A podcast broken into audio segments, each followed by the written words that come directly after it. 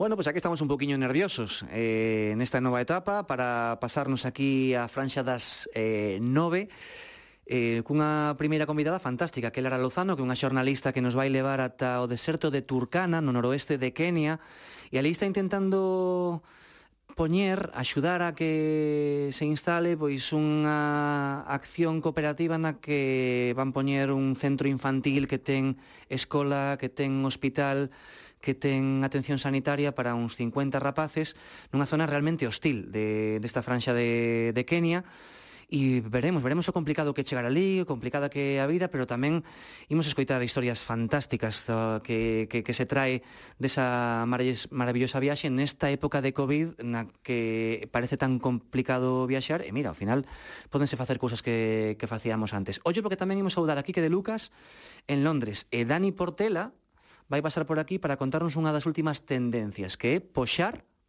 por sacar billetes en business, é dicir, aumentar un pouquiño, dicir canto queiro pagar eu do meu billete que saquei para ver se me meten en business ou non. Nada, eh, se vos parece, cabeceira, comezamos. I'm coming to London.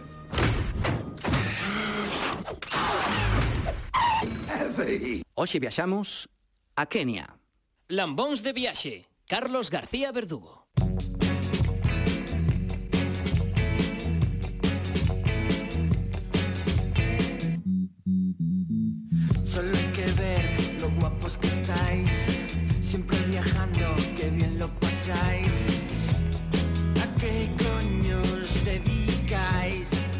Saúdos, que tal damonceños, como estades? Espero que todos ben, nos con moitísimas gañas eh, de comezar esta nova etapa para contarvos, como sempre, mantendo a esencia, as aventuras e as motivacións que teñen un montón de xente, pois, como todos vos, que deciden un momento dado afrontar unha ilusión, unha viaxe e ademais compartila aquí na Radio Galega. Hoxe imos ter unha viaxe moi moi especial porque imos marchar ata África, ata Kenia, pero para ver como se pode axudar a xente para desenvolver un proxecto de cooperación máis que interesante, pero iso vai non servir ademais para coñecer un montón máis de historias que están detrás desta fantástica viaxe que nos levará ao deserto de Turcana. Pero antes diso, antes de viaxar ao deserto de Turcana, imos coñecer, Dani Portela, como estás?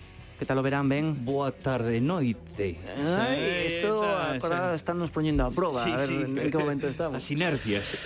Bueno, imos ver un pouquiño máis sobre o contexto. Que é Kenia dentro de África? Kenia é un país que está oeste de África, debe este nome ao monte máis alto do país, que iso fexo mm, reflexionar que Galicia podía chamarse Trevinca, e non un nome feo, non? Así... Non, non, non. Logo, ten Pero queres, queres abrir xa o melón ese? No, no, no, no, no. Empezamos no. a desviarnos do tema. no. Eh, 46 millóns de habitantes. Se pensades que Galicia debería chamarse Trevinca, envía unha mensaxe. Envía unha mensaxe en directo. bueno, isto realmente xa, xa os sabedes que somos un pouco a sincronía dentro da crónica o sincrónico dentro da crónica, entón non podedes mandar, pero mandad en directo se queredes. Kenia, Dani, que nos imos xa, xa empezamos como cando estábamos de madrugada. Vale. Eh, 46 millóns de habitantes, a capital é Nairobi que ten 6 millóns de habitantes e de superficie de superficie prácticamente unha España. Mm, casi encaixa perfectamente. Logo, eh, dice keniano o sentilicio, isto nota dixo choveu, mm, a xente chamalle Keniata por unha confusión co un, cun presidente moi importante na súa historia que Jomo Keniata que fixo a transición no no ano 63 de, de ser colonia británica a ser país independente e logo república eh, a súa maior fonte de ingresos é o turismo eh, cando se di eh, safari mm, en suahili que é unha das linguas oficiais xunto co inglés quere decir viaxe, safari quere decir viaxe. E tamén Hakuna Matata quere decir ningún problema. O sea, coñecemos máis o agili do que pensamos. Eso é importante. O sea, é, é o sin problema ninguno que decimos aquí. Sí, é, que decimos no, aquí. Sí, eh... Un malo será sin problema ninguno. Exactamente. ¿no? que básico na, na, na, negociación aquí en Galicia en calquera en calquera proceso das leiras, eh, Hakuna Matata, malo será. Eh, eh, e bueno, hai que destacar que non só non só o a xente vai de safari a facer fotos e así, hai, hai moito alemán e moito inglés que vai ali sobre todo as praias. Bueno, pois nós non imos ir ás praias, tampouco imos facer unha viaxe tan extensa como fixemos eh, noutra ocasión con Alberto Trillo, consultor da FAO, eh, na súa sede en Kenia, que nos levou a Nairobi, que nos levou ao lago Naivasha, que nos levou ao Masai Mara, que nos levou a Mombasa, eh, os puntos, digamos, máis turísticos, como os que dicía Dani, hoxe imos realmente a un viaxe con historia, con motivación, con moitísima esencia. Un viaxe no que imos compartir coa xornalista Lara Lozano, como se pode facer un centro eh, infantil, un centro social no que hai escola, hospital integral nunha zona tremendamente hostil, polo menos no que son as condicións ambientais, na parte noroeste de Kenia. Así que, eh, nesta ocasión, Hakuna Matata, malo será que este Lambóns de Safari, Lambóns de Viaxe, vaya mal. Comezamos. Lambóns de Viaxe, Radio Galega.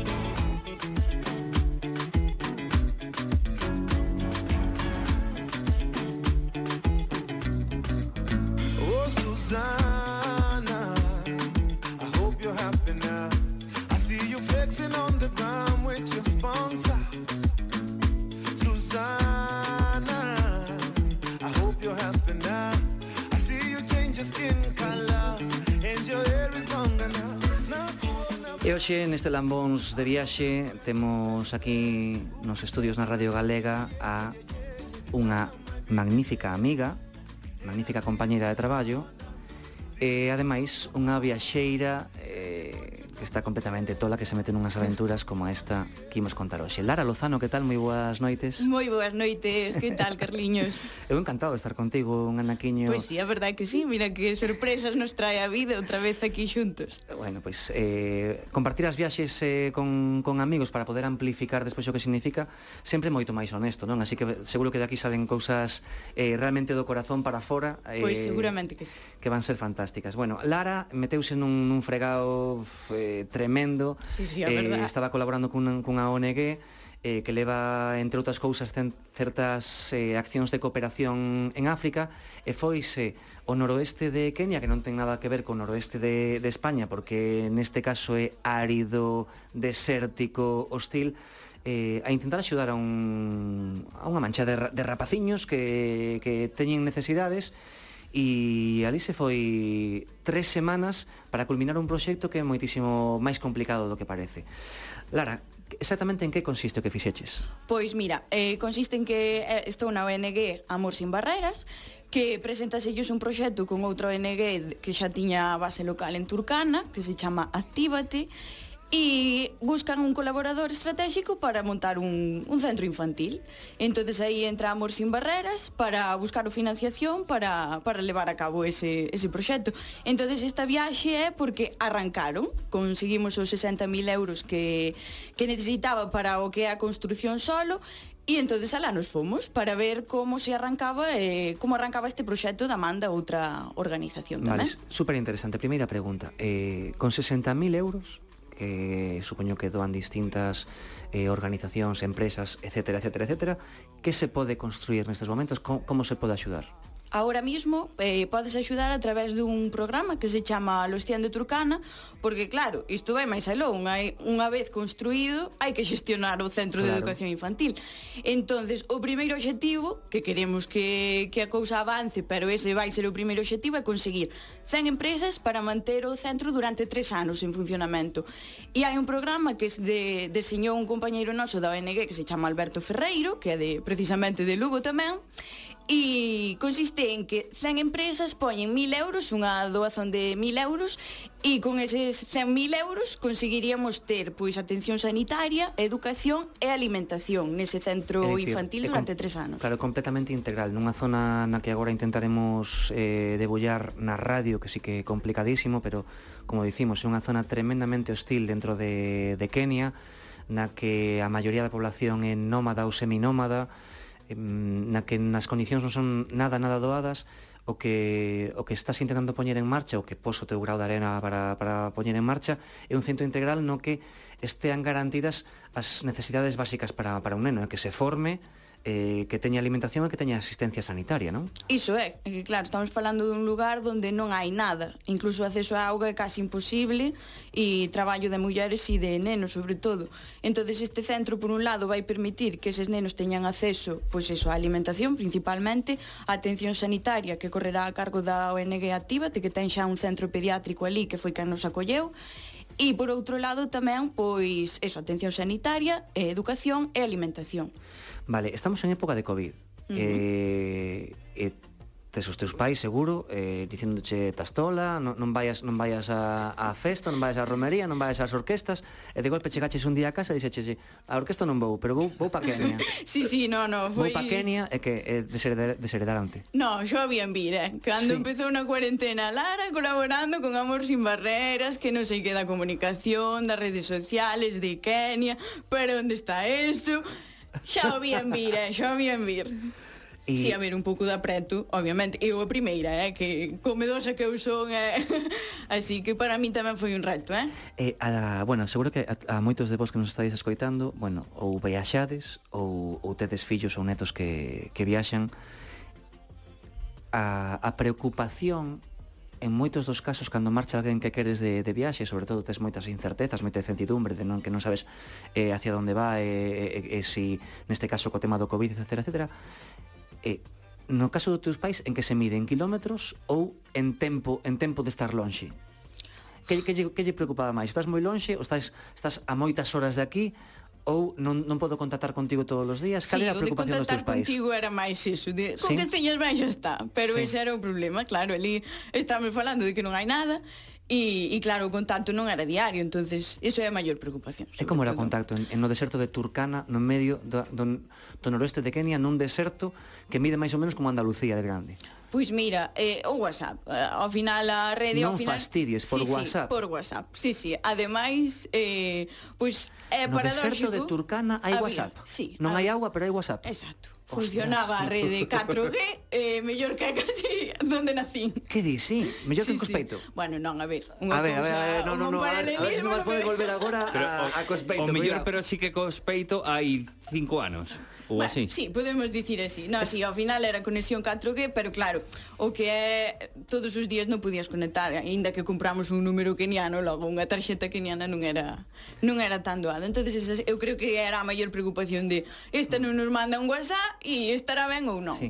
É curioso ese, ese concepto que, que temos, está guai que, que os sacases agora, porque en moitas ocasións cando falamos de países desenvolvidos, creo que agora non, non é o momento o, a fase agora de chamarlle así, de países países que teñen menos favorecidos, digámoslo así, eh, hai moita xente que se fai unhas películas na cabeza enormes e hai cousas que na vida eh, diaria son moito máis comuns do que parece. Por exemplo, a presencia de móviles, de unidades de celulares en, en África é, é amplia, é, é, é grande. E neste caso, no, no que nos dís, nunha parte moi desfavorecida dentro dun mm. país como Kenia, sí que había sí. eh, xente que podía ter acceso a, a, a sí. móviles, non? Exacto é máis complicado o acceso á alimentación que a un RD4, que imagínate claro. as dificultades, eh, porque claro, aquí parece nos básico que comer, eh, internet pode ser secundario, pois ali ao, ao revés ao final. Bueno, agora imos ir con calma, agora que eh, xa nos comentaches como, como é o proxecto, estiveches tres semanas ali simplemente para pechar a parte do, do proxecto en tres semanas que estiveches este verano e, eh, e eh, como comezaba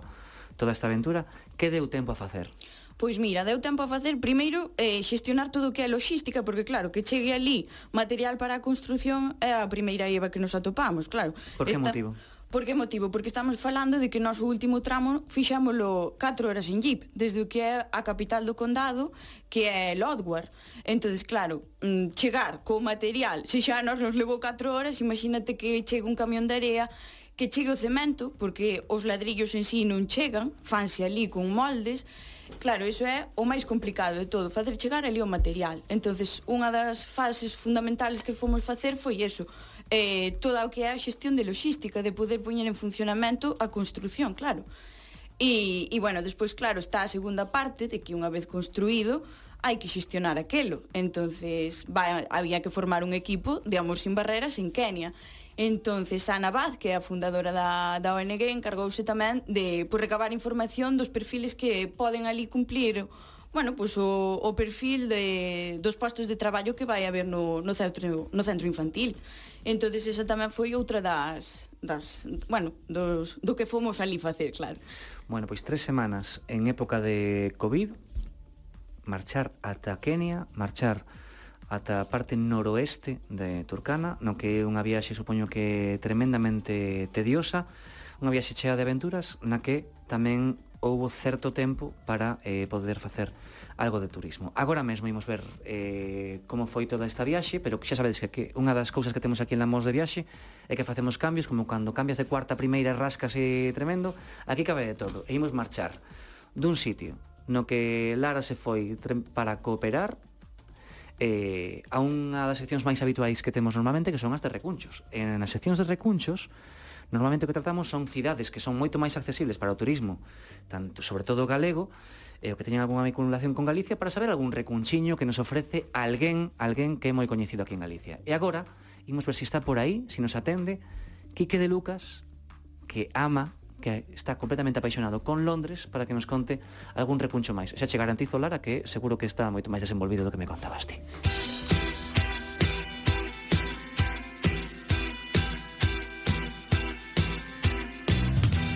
Recunchos con Encanto de Londres, recomendacións que nos trae como case sempre nesa cidade, Quique de Lucas, un vigués afincado en, en Londres, eh, que é super feliz por sitios como o Flow Café, O Flow Café, pero esta risa de cuando has dicho Viguesa que han venido. Eso eh, no, no, Dani, no, nada, perdón. eso foi Dani que de Camposanco, sé que vecino teu, nin, se- nin Ah, no sé, no sé. ah, vale, eh, ya está, bueno, reiremos, ya está. Aquí un Vigués más en, en, en Londres, sí señor. Como levas o galego? Dinos algo en galego.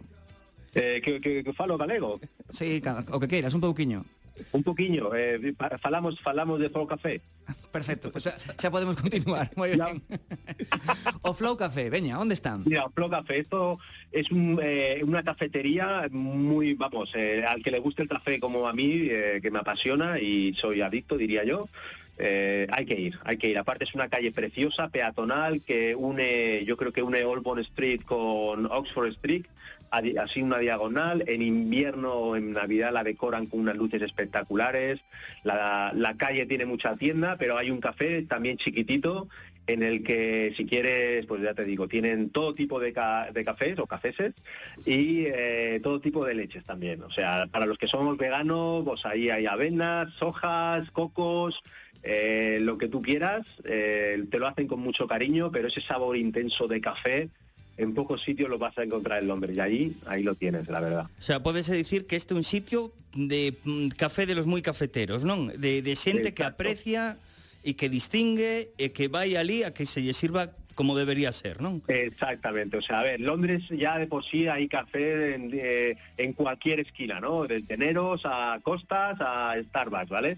Eh, pero este es como más de autor, ¿no? Y es mucho más artesanal todo y lógicamente eh, se, se nota en la boca que es café realmente bueno. Y re- en cuanto a precio, pues ya te digo que Starbucks es muchísimo más caro, eh, Nero más o menos y, y Costa también más o menos, ¿no? Pero merece la pena, sobre todo si estás en la zona, porque es una zona pues de muchas tiendas. En invierno no, no puedes dejar de ir a la calle porque realmente es preciosa eh, la decoración que ponen y, y encima tienes café calentito para entrar en calor, con El- lo cual perfecto. Eh, pero Flow Café solo hai un, non é unha franquicia como esas que falas de Costa ou Starbucks, Pues mira, te diré, de- no estoy seguro, quizás sea una franquicia, pero no estoy seguro porque yo solo voy a esa. Entonces, eh, Y t- tampouco te importa, Eh, claro. ni claro, franquicia. o sea, si hay otra, no lo sé, en el norte de Londres o en el este, pues mm, me Non pillo un sabes? poco más lejos, ¿no? tampouco creo que vayas mirar, non te ten pinta. Eh, é un café no que entón no que poderías atopar a italianos, que eso adoita ser eh, símbolo, símbolo ou imaxe de que funciona. Eso es, mucho italiano. De hecho, todos los que trabajan son italianos. Eh, puedes hablar en italiano que te entienden. Al final, un cafeto o un café, te van a servir un café. Y, ¿Qué bueno, porque ya sabemos que los gallegos que viajan les gusta, les gusta hacer un poco de mezcla del idioma, ¿no? Entre Claro. gallego, español, inglés y donde estén. Claro. Eh, es curioso, ¿no? Tú lo debes de saber que también te gusta viajar mucho, ¿no? E controlo moitísimo o italiano. Dixeches cafeto e sabía perfectamente a que te referías. Ves? tiña ningún Ves? problema. Bueno, cal é a marca de cafés que te, de, da cafetera que teñen ali? Sábela ou non? Eh, sí, te lo voy a decir. Ah, es italiana. La, la Bacha creo que es. Ah, é que non, non o pillas nunca. Quique, Quique de Lucas sempre sabe algo máis que a ti en todo. O sea, sí. Home, con tanto libro que ten aí... Claro, bueno... Claro, fíjate tú, o sea, yo aquí tengo la historia universal es que... de por arriba e por abajo. Vos non o vedes e non estades vendo este corte nas redes sociais, porque agora estades escoitando na radio, pero no plano que me pon Quique cada vez que o chamo todos os sábados a 6 da, a 6 da mañá para, para que me conten sitios de Londres, o plano que escolle é un calquera da casa, porque ten moitísimos así, que está cheo, cheo de libros e que eh, os leu todos. Claro, y, eh, eh, orden alfabético los tengo, ¿eh? Yo entro en esta habitación y veo un libro que me lo han cambiado Uf. y me doy cuenta. Es, es algo... No Flow Café podes levar algún libro ou a xente te mira mal porque é o típico sitio de ir rapidiño co café ou podes estar tranquilamente Es, lendo un es libro. más de, mira, tienen zona, una zona terracita chiquitita, pero es más de café, aquí te pillo, aquí te mato, pero tú puedes ir andando por la calle por- con un libro, de momento es legal. Y mascarilla. Y mascarilla, ahora la mascarilla en la cara, en la cara, es obligatoria. Bueno, pois o recuncho que nos recomenda Quique de Lucas e o Flow Café. Quique de Lucas, unha vez máis, moitísimas gracias. Ata a próxima, unha aperta. Unha aperta. Lambóns de viaxe. Contanos a túa viaxe no noso Instagram, arroba lambóns de viaxe. Saldito.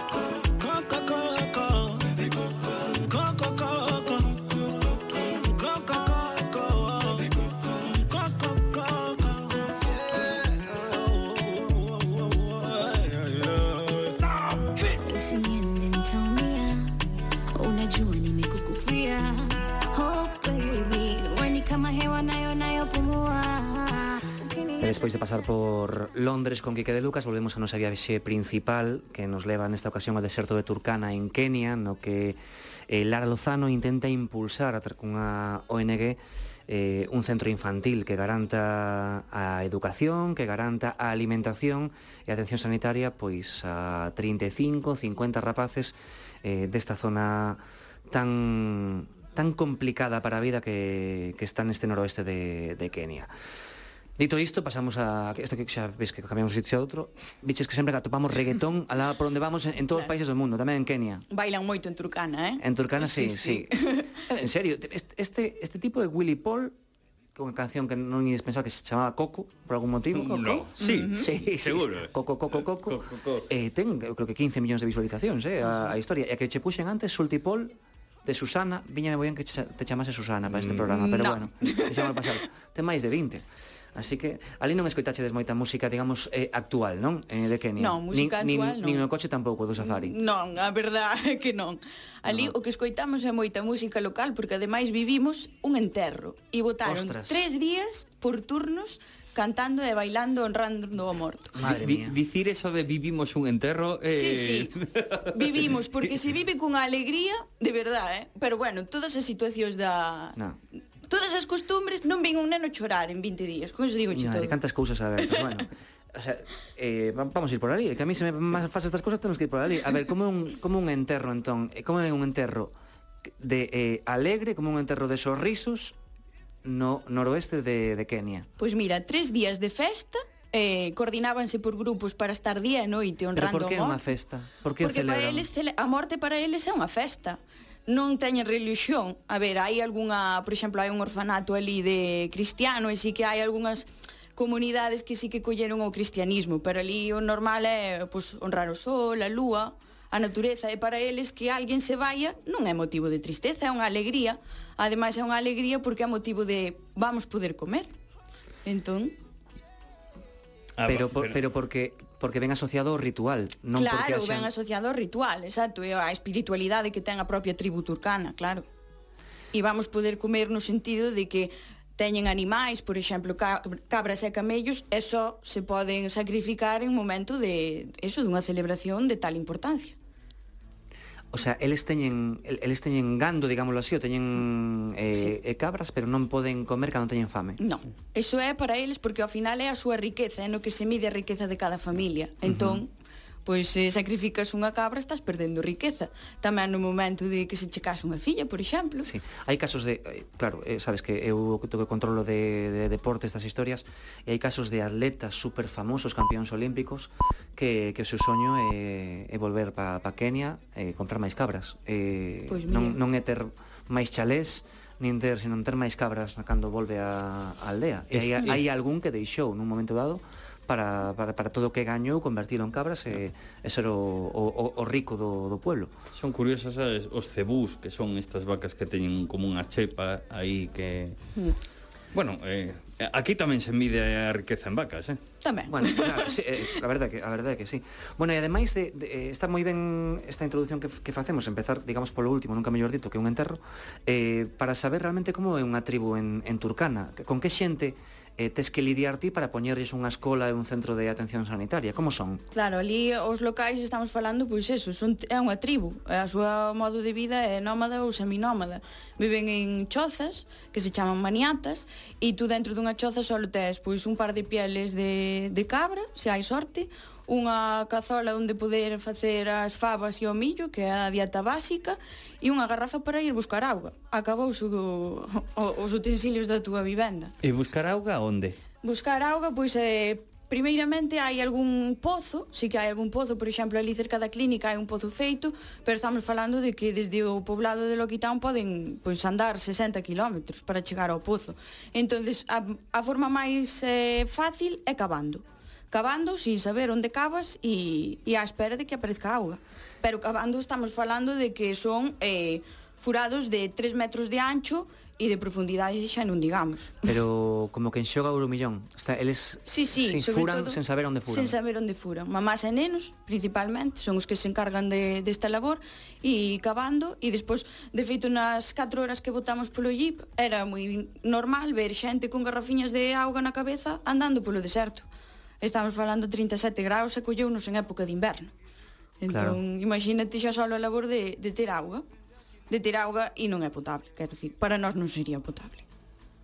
É curioso porque esa zona, esa zona leva o nome dun tremendo lago xigantesco eh, con moitísimos, moitísimos eh, metros cúbicos de, de auga que é o lago de Turcana. Sí, pero, pero auga que... salgada. Entonces aí está o, o problema, tes acceso a auga pero é salgada que faz? Quero dicir, parece, verdad, ilóxico que, que che poñan no medio dun deserto un lago inmenso, porque ademais é inmenso, pasamos moi cerquiña del, sobre todo no traxecto desde Lodwar a, a Loquitown, e claro, será inmenso, pero non po, quero dicir que faz con auga salgada. E no, neste proxecto eh, obviamente se ten que haber un centro sanitario, eh, entendo que a auga é algo indispensable, como, como se soluciona? Sí, sí, no, ali eh, xa che digo, a clínica de Actívate onde nos quedamos, porque ali non hai acceso nin a hotéis, nin a nada polo estilo, eh, é un oasis no medio daquelo todo. Nos pode, tuvemos a suerte de poder ducharnos todos os días, quero dicir, sabes, de poder ter acceso a, a comida, Bueno, Levamos claro. as maletas cheas de comida, aquilo é un oasis dentro de, Pero de que todo. Xa, xa o feito de ducharte con claro, auga... Claro, con auga. Eh, eh, sí, o, sí. O sea, eu estás te lavando con material que a xente fai kilómetros para poder sí, beber. Sí. Exacto. Exacto. Eh, están agora na clínica traballando cunhas máquinas de condensación a ver se por aí se pode, pois eso, a través da condensación xerar auga, pero é moi complicado tamén, tamén porque non hai a corriente que podemos ter aquí e o acceso á corriente non hai a potencial, entonces para mover esas máquinas tamén necesitaríamos corriente. Entonces, placas solares están intentando, bueno, estánse facendo bastantes proxectos para conseguir enerxía, precisamente. Se acabas de incorporarte a Radio Galega, sí, isto é Lambóns de Viaxe, nesta temporada estamos paseando por, este, por esta franxa horaria. Eh, en este programa falamos coa xornalista Lara Lozano que ven de participar activamente na, nun proxecto que quere poñer pois un centro infantil nunha zona moi moi complicada de Kenia, no noroeste de Kenia, eh, chamado deserto de, de Turkana. Estamos participando con ela un poquinho das súas aventuras. Música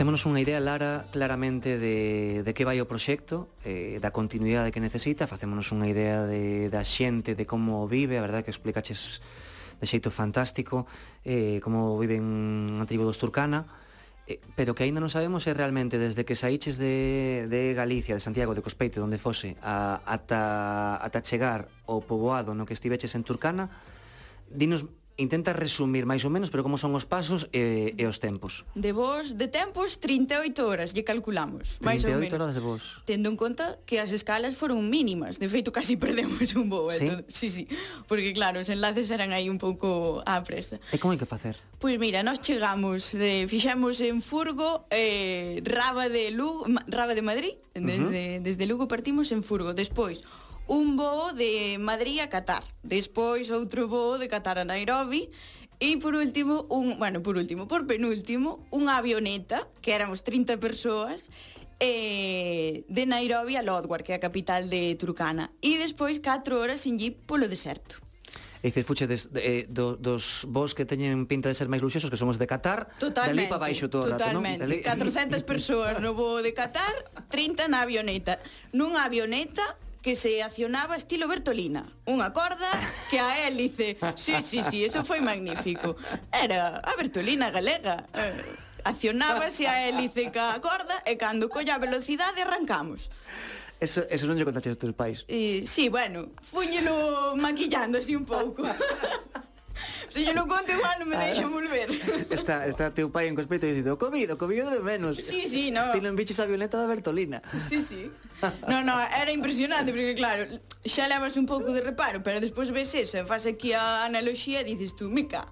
Ah, sí, claro. Sí. Bueno, pois pues, eh A verdade é que é complicado. A final viaxar a Nairobi é un dos sitios que é relativamente máis doado en, a, en África porque eh, xunto con cos eh, aeroportos de Sudáfrica e con algún máis son, digamos, os aeroportos de entrada para o continente africano, sería como un Frankfurt, etcétera, uh -huh. etcétera, para, para nós en, en Europa, pero é increíble que despois, claro, eh, cando estás xa no país e cando realmente empezas a ser consciente de das complicacións, en canto te afastas un poquinho máis Exacto. de Nairobi, non? Eh, eh, so, sobre todo non vas tanto cara a costa, sino que te metes xusto para cara a outro lado, cada vez é máis complicado viaxar. Eh, cando ibas no jeep no deserto de Turcana, é dicir, cando chegas a ese punto do, do despois de viaxar en avioneta, e realmente eres consciente, supoño que aí é un, un ostión de realidade de carallo, aquí aquí estamos xa. Eh, canta xente hai eh, conducindo por ese deserto? Ves, a, ves a algunha persoa? Vas ti completamente só? Nada, nada, nós no traxecto de 4 horas vimos algún local, claro, porque van as, os poboados van, bueno, por núcleos, pero, bueno, jeeps como o que fomos nós non, xa non había, quero dicir, nós o que estábamos nin había, non estamos falando de deserto, de deserto que non hai estradas, nin hai nada. O condutor non sabíamos nin por onde nos levaba, quero dicir, el tiña tan memorizado o traxecto, pero que nós para nós aquilo era impresionante, sabes? Porque meterte, sobre todo por cauces secos de ríos que tú vías que por ali pasou auga e ver aquelo ahora así, era moi impresionante o feito, uf, dices tú, aquí houbo auga. Sobre, bueno, sobre a paisaxe, que foi o que máis te, te chamou a atención? Que non, que non foses consciente de velo aquí habitualmente en Galicia Para un galego que, que aterriza ali de, de golpe? Bueno, árido que era todo, sobre todo Claro, aquí ves terra e ves terra xa mollada Quero dicir, ao, o nivel de sequedade da, do ambiente sobre todo eh, é impresionante. Quero dicir, tú na túa propia piel sintes como se che vai deshidratando, quero dicir. Unha das sí, cousas máis impresionantes que hai nesa, nesa franxa da, do globo terráqueo é realmente eh, o abrumador que pode ser os escenarios nos que ves que había moita auga e, e a morte que hai cando de golpe non hai non hai auga, non? Eh, eu comentaba cho fora de micro que o escenario, por exemplo, para min do deserto de Namibia cando as propias dunas polo vento foron pechando zonas de, de auga e foron matando o que había dentro desa, desa, desa zona e secándose a auga é, é brutal. Hai hai zonas parecidas, non? No deserto sí, de Turcana, por todos os había, sitios. Había cerca do poboado de Loquitán había unha un estilo cascada, que en algún día foi unha cascada. Entonces, claro, ver esa paisaxe, unha cascada sen auga, claro, completamente sen auga, seca. completamente seca, exacto. Sí, sí. Entón, claro, iso é un choque moi... Aquí as cascadas levan auga, é vendela. Claro. bueno, mellor por épocas, non? Así, na época de choiva... No, estamos falando de que a temperatura nos colleu nos sobre 38, 36 graus, hai unha sequedade... Non hai humidade, eh, hai unha sequedade inmensa, quero dicir, estábamos en inverno e aquela era a temperatura entonces é todo ano igual. En. Ana, a presidenta da, da ONG, a fundadora, viaxou en xaneiro e dixo que sí que notara moito o cambio, sobre todo porque en xaneiro aínda facía moita máis calor. Claro. Cando, cando comentas antes que os Turcana, a tribu na que, a que vos queredes axudar con, coa construción deste centro infantil eh, no deserto de, de Turcana, que son seminómadas ou, ou nómadas, ou que nesa zona hai moita, moitas tribos que son seminómadas ou nómadas, a que nos referimos? Can, canto se desprazan e cada canto se desprazan? Claro, ahora cada vez menos se desprazan, porque tamén o cambio climático antes era un pouco para buscar, pois eso, un, no. donde tiñan os recursos. Agora mesmo eh, casi non son nómadas, sabes? Entón, sí que hai moitas chabolas que siguen sendo as mismas, sobre todo polo, polo que a oportunidade que nos deu Javier de coñecer un pouco máis de como evolucionou, porque leva ali 10 anos Javier Corvo da, da BNG Actívate, e cada vez menos, claro, precisamente por, por eso, porque cada vez hai menos recursos para onde irse, e a extensión de terreo é inmensa. Claro, e, que, e que o país está dividido polo Ecuador directamente. Sí, sí. Eh, Eh, medio país queda para o norte do eh, sí, para o norte do Ecuador e medio país para o sur. Sí, de feito, ás 5 da mañá a mencía e ás 6 da tarde era noite pecha. Entonces, sí, eh, quero dicir, eh, estamos falando de, de un lugar no que é eso, de que pff, todo o que vos contei. Claro. E como eh, percibe sí. unha tribo como os turcana en xeral supoño que haberá individualidades despois, pero como recibe unha tribu dos Turcana que chegan eh, tres blanquiños de, de Europa eh, eh, e chegan, se plantan ali despois de vir nun jeep eh, con teléfonos móviles que teñen cámara Eso. que con cámaras de fotos que mellor non viron nunca, etc. etc. Eh, como reciben a impresión de vamos vos axudar? Hai alguén que, que desconfiado? Hai, hai alguén que hai resistencia ao cambio? Eh, ou, ou, ou vos reciben cos brazos abertos e saben que vais, vai ser mellor para eles? Sí, a ver, os primeiros días foron complicados De feito, os primeiros días eh, nin fotos nin nada polo estilo Por que? porque eran son sobre todo moi protectores con eles e cos seus iguais, logo, por así dicilo. E claro, hai xente que nunca viu un teléfono, entonces para eles era unha ameaza. Bueno, igual alguén... xente que claro, non, non sabe o que concepto de ter un espello diante, non? Claro, de verse. sí, sí, eso foi unha das cousas que máis nos impresionou, porque os nenos, ao final son nenos en todo o mundo e non teñen ese reparo de medo como pode ter un turcana adulto. E eles achegábanse, nos e cando quitábamos as fotos, o eles o que querían era verse porque non se recoñecían, quero dicir, os demais nenos eh, eran os que lle dicían que eres ti, sabes, que estás claro. estás te coñecendo, estás te vendo por primeira vez nunha, nunha imaxe. Claro, nunca, nunca se viron nun espello. E ese momento de ver os nenos como se coñecían a eles mesmos é un dos máis bonitos. De feito, xa dixemos que no centro vai haber un espello porque grande, claro. sí, sí, para que se vexan e se, e se identifican e se conozcan. Porque o bonito era ver como os demais lle dicían que sí, que eres ti, sabes? Choraches moito en Turcana? Mm, ti que me conoces, para ser eu, solo chorei eh, no traxecto de baixar de Lodwar, da avioneta, o traxecto que fixamos o inicio no que é a capital do condado, porque aquilo para mí foi, de feito, quedámonos todos calados no, no coche, Era en plan, naide vai dicir nada e Lara soltou a súa lágrima. sí, sí, ese foi un momento. Foi moito foi moito Foi a impresión, claro, viñas de Nairobi, tampouco tiñas o concepto de que en dúas horas de voo podías chegar a, a aquela situación. E eu foi montar no jeep eh, as películas típicas das favelas do Brasil, pois eu estaba o vivindo. Sabes, para min aquela baixada é atravesar o que é o pueblo, porque o pueblo de Lodwar sí que é máis civilización, claro, non é tribu. A min foi a... Uf, aí foi encima o silencio que se montou. Bueno, foi todo en conxunto, tantas horas de viaxe, o cansancio tamén axudou e darte coa realidade desa maneira foi o Uf, pero despois non, despois non chorei nada porque pasou de ese concepto que temos de sentir pena a sentir admiración. Entonces, uh -huh. cando sintes admiración non che non che sal botar a lágrima. Bueno. sí, despois sí, cando cheguei, eh, reflexionas todo o que viviche, dices tú, buf, Lara, vamos descargar, aí sí. Claro. Pero durante o viaxe no. Increíblemente que o que me conozca a min, ti sábelo ben que, que bueno, sempre estou ca lágrima no ollo. Pero sí, sí, eh, de feito foi foi maravilloso porque o vivín de outra maneira e como nese sentido tamén me axudou un pouco a min. Por qué? a controlar o, o meu a miñas emocións, porque ves que quero dicir, enfrontas a outra situación que nunca viviche. Entonces, como persona sí que te sí que te marca tamén.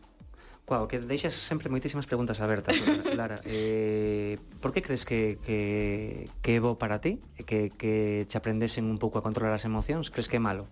A veces que... Bueno, todos temos... Eu vexo como un defecto que non debería ser así Somos bueno. un pouco exigentes con nós mesmos moitas veces pero sí que che, sí que che fai repensar un pouco e axúdache sin ti sabelo, eh? Isto sí. funo comprobando no mes que levo aquí aterrando, que sí que che, que che axudou, eh? Porque ao final ves outra perspectiva, claro. outro mundo, e para, para min foi novo totalmente. Unha das cousas que dan que din os que viaxan moito e máis que fan este tipo de experiencias que son tan disruptivas con respecto á nosa vida habitual é que realmente a cantidade, a cantidade e a intensidade dos das vivencias que tes en 15, 20 días mm. nunha viaxe como estas é moi complicada telas o mellor ao longo de dous, tres anos despois cando cando volves a, a túa cidade E, e realmente é un pouco que pasa con estas historias, por eso esta, isto que comentas do silencio é super habitual, eu creo que en moitísimas situacións no que, nas que un se pon alerta e nas viaxes acontece moitísimas ocasións porque non coñeces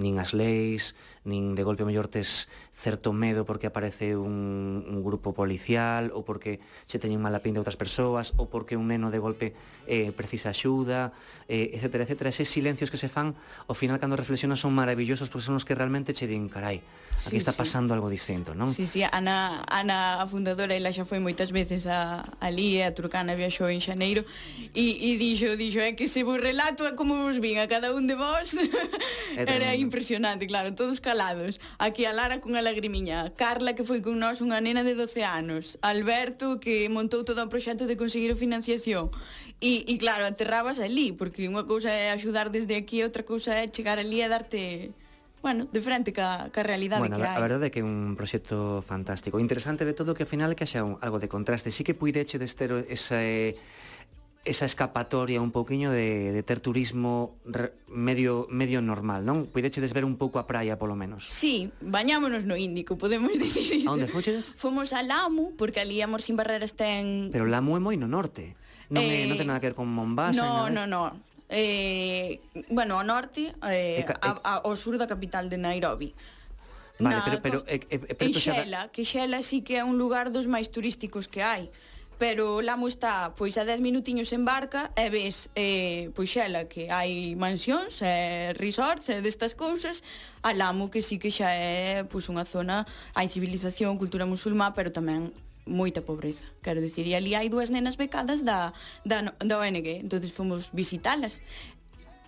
E que puidechedes ver ali? Pudidechedes sair un anaquiño bueno, ali, en barco? Mo, moito, sí, salimos en lancha que é o modo de, de vida un pouco é un pouco de praia e despois centrámonos sobre todo iso no proxecto das, das dúas nenas porque unha delas arrancou o curso escolar becada este ano entonces tamén había que puñer en marcha eso porque Salma e a Mina claro. que que empezaron o curso escolar agora. Claro, pero sí que tiña es, esa, esa dúbida, o que está moito máis ao norte de Mombasa, que está casi está máis preto de Somalia, casi sí. Lamu. Sí. Eh, entón, nin sequera niso fochetes a un turismo convencional, no, fochetes no. a unha zona sí. Eh, sí. na que hai es... costa en a que polo menos podíades ter algo máis de comodidade. Claro, eso sí, sí, sí, estamos falando de que é totalmente diferente, ali non é tribu xa, eh. Canta xente vive en Lamo? Ai, pois agora sí que me pillas. Mais ou menos, que dirías? Que... Non, non sei, eh, non bueno, descoñezo, é unha isla pequeniña, é unha isla, sí, é pequeniño, sí.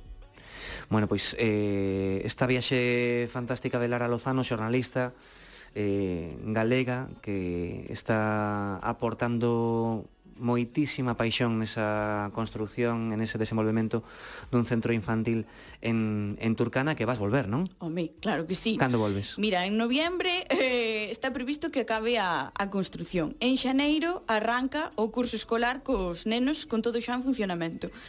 E a ver, a ver se para o verán podemos volver. Bueno, o galla que sí, o galla que, que volvas e cando volvas que non lo contes máis. Vouche dar un par de consellos, mellor dito. Vai no facer eh, Dani, por se queres ir en business, vale? Porque eh, vale. Oxe, oxe vai de contrastes. sí, sí. Imos, imos coa sección de Dani e as trebelladas na mochila de Dani. En Lambóns de viaxe, trebelladas na mochila, con Dani Portela.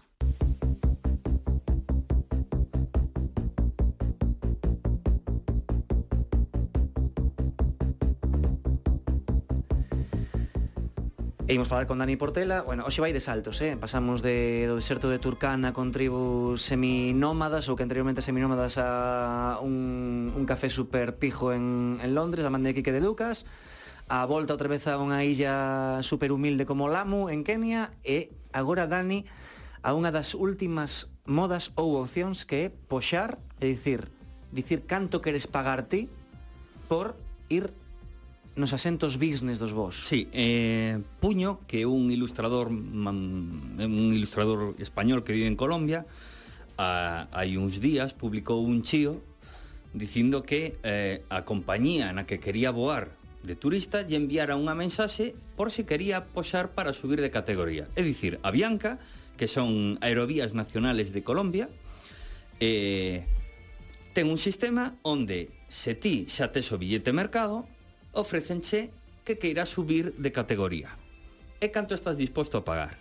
Entón, se ti chegas ao que eles consideran co seu sistema que si que lles compensa, eh, chégate un correo o, o día antes de que collas o avión e entón dinche si eles aceptan ou non. Non Podo, podo empezar sí, a sí, sí, por favor. Sí. É que eso a mí o que me xeraría é un, un estado de mal humor tan grande, tan grande como cando vexo que un hotel que costa eh, 70 euros de golpe porque son as festas o poñen en 250. Porque realmente aí o que está marcando, o que está desvelando ao final a compañía é canto é o que re, polo que realmente están dispostos a darlle valor a un asento en, en business. Efectivamente. Entón, eu collín, eh, empecé a investigar máis ou menos e cheguei a que, bueno, mm, eh, ese, eh, eh, eles utilizan un sistema que se chama Plusgrade, que é eh, como eh, é un xogo de palabras en subir de categoría, non? Este, este o sistema Plusgrade, su, podes poxar por subir, pero o outro produto que ten a compañía que desenvolve este, este sistema é o Dynamic Seat Blocker, que ven a ser sistema dinámico de bloqueado de asento. Que isto quere decir que se ti estás en, en a categoría alta en business, podes pagar para que alguén non se sente o teu carón. Bueno, bueno, bueno, bueno. Ou por detrás. A ver. Ou polos lados. É dicir, por diante, por detrás e polos lados. Eso, claro, é un sistema onde ti pos cartos para que alguén non ocupe o teu asento. E iso entra en conflicto directo con cando ti estás disposto a pagar por subir de vale, categoría. É dicir, Lara máis eu. Lara máis eu eh, poderíamos estar asumindo roles distintos neste caso. Lara sería a tipa rica. Sí. E Lara pode, eu podo decir, a mí me chega, eu comprei con a Bianca, un, bueno, a compañía que sexa a partir de agora. Sí, exactamente un billete e a min, como teñen os meus datos e tal, van, vanme intentar seducir, non? E que, e, e que pagues máis cartos polo, polo mesmo. Sí. De bueno, Car no, no, pagar cartos bueno, por, por ir por, como por ela. Claro. Es decir, Carlos, xa que pagaches aquí isto, non queres mirar a ver se si pos eh, 200 euros máis ou 200 dólares máis mm. ou 150 máis e ir en business este traxecto para chegar ata a península. E eu podo estar dicindo, hostia, é, é, é durísimo, pero vou no poñer. Sí. E Lara polo medio, que é unha capulla, pode estar dicindo, eu son super pija, non quero que se sente ninguén des... ao, ao lado de eu vou poñer 300, 300 e 300 para que non se me poña ninguén Exactamente. rodeándome. Claro. Isto claro. é unha perversión absoluta de, de, de, de, de, de, de algo completamente límites. elitista que é a clase business. ¿eh? Claro. É brutal, eh? Pero eh, é, é a, o, a exclusivización da clase business máis aló do, do que o propia barreira do precio de inicio. Entón, Ostras. eh, claro, entramos nunha loita donde ti estás disposta a poñer X e eu, se si non chego a, ese, a esa cifra, non vou poder optar a poder ir a business. Claro. Entón, eu... é, é, por eso se chama dinámico, mm. porque non hai prezos fixos. Aquí é unha loita de onde Totalmente. onde a compañía de, de eh, a compañía aérea simplemente está contemplando como se dá os gladiadores, sabes? Sí.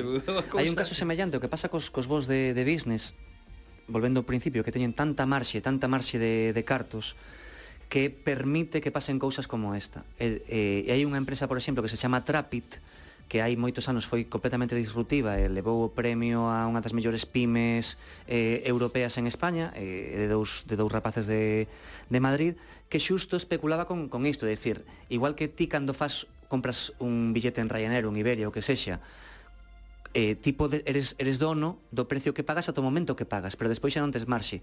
En cambio, nos billetes de business, hai momentos nos que pagas, pero que despois segue fluctuando moitísimo o prezo para arriba ou para baixo. E esta xente, o que fixo é, é que a veces mm, eh, merece a pena pagar a penalización por cancelar o meu billete business e sacar un novo o precio como está sacando cinco días antes, que quedar co billete que, que tiña nun, nun principio. Claro. Entonces, como varían tanto as cousas, post-compra, desde que compras hasta que boas, eh, os, o modelo de billetes business, que ao final non é cuantitativamente un dos maiores, pero cualitativamente en cartos, aí hai moitísima sí, marxe, sí, sí. hai moitísimas compañías que voan en business. Claro, entón e... é, un, é un sector eh, moi interesante para o estudio. Claro, sí. ten, ten en conta tamén que unha praza en first class, por exemplo, de, de, de algo que transatlántico, que o millor un, un billete en primeira clase eh, son 6.000 euros, Claro, eh, que non este ocupado unha praza de primeira clase supón ao longo do ano para a compañía moitos cartos. Entón, claro. ofrécenche desta forma, poñenche aí a cenoira para que piques e subas. Claro, e isto tamén pasa de business a primeira clase, igual que pasa de turista claro. a business.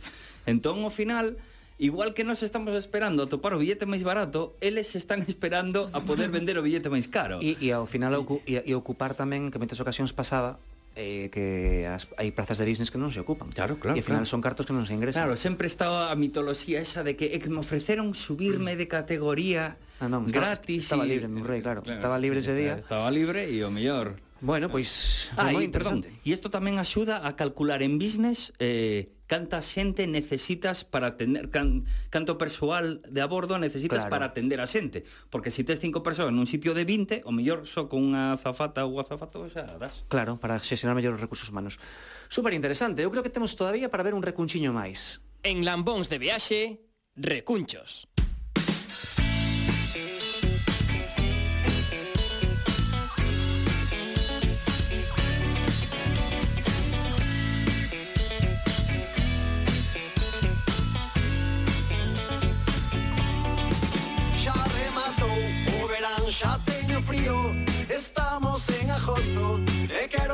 esta noite contigo E Cosmonorius, que sempre din, claro, que o verán Teñen sempre algunha canción que din que no verán Realmente non fai o mellor tempo do mundo aquí en Galicia Se, se ríen con todos nós, verdade?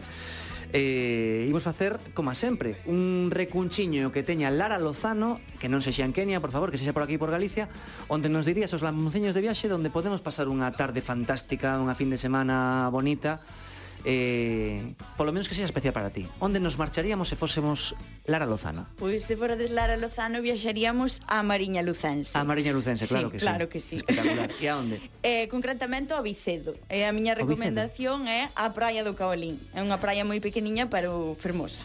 Praia do Caolín. Eh, pero porque é moi fermosa, que ten de especial? Pois, é como o Caribe galego. Bueno, pero eso está moi manido, Lara, ti podes facelo moito mellor. Sí, verdad. no, no, é moi especial. É sobre todo para min porque nacín en Lugo, bueno, son de Cospeito e nacín, teño Lugo, ben sabes. Ti que me coñeces, está aí nun... Entonces nada, por ali unha, unha voltiña polo Vicedo, que está temos moi praias moi bonitas. Non? depende de onde partas. moi longe, dis. Sí. Pois está na Mariña, en Novicedo, cerquiña, pois eso, Viveiro, Foz, por ali. Ah, é que distante, de Beiro Foz é Mariña, sí, ma, Mariña menos, Centro. Nada. Vale, bueno, bueno. si, por se vou coller o coche vou a, a ata lá. E despois, no, que hai un cacho. Ali podo comer na praia, eu teño que ir a outro sitio. Eu xa sabes que somos de, que, de que viaxes a, a Foz. A, a Foz, Foz, e que vayas e que fagas parada no barrilete. No barrilete? Para todos os gustos. Bueno, eh. no barrilete, Foz. No Foz, no barrilete e a, a praia do Caolín. Exacto. Bueno, no Viceto, pois quedamos con iso. Lara, que, que placer. Nada, terte placer aquí. é meu. É maravilloso terte aquí, quero te un montón. Sabes que te valoro moitísimo como compañeira, como profesional e como amiga. Eh, e foi fantástico escoitar e aprender contigo todo o que ha pasado en, en Turcana, o que sí que son consciente que nin Dani nin máis eu vamos a ser suficientemente vos, nin vamos ter o valor para facer o que faz ti, de axudar bueno. a xente, marchar medio mundo por diante e irte a Turcana a montar un centro nada. infantil. A idea é compartir e, e nada, se podemos mellorar un pouquiño de mundo, pois xa estamos facendo algo. Parabéns, Lara, moitísima mm. sorte. A vos, un bico enorme. gracias. Dani, moitísimas gracias. De nada, un placer. E a todos vos lamonceños, pois nada, escoitámonos os xoves en Lambos Digitais e volvemos a escoitarnos a próxima semana aquí dentro da Crónica agora. Adeus, lamonceños.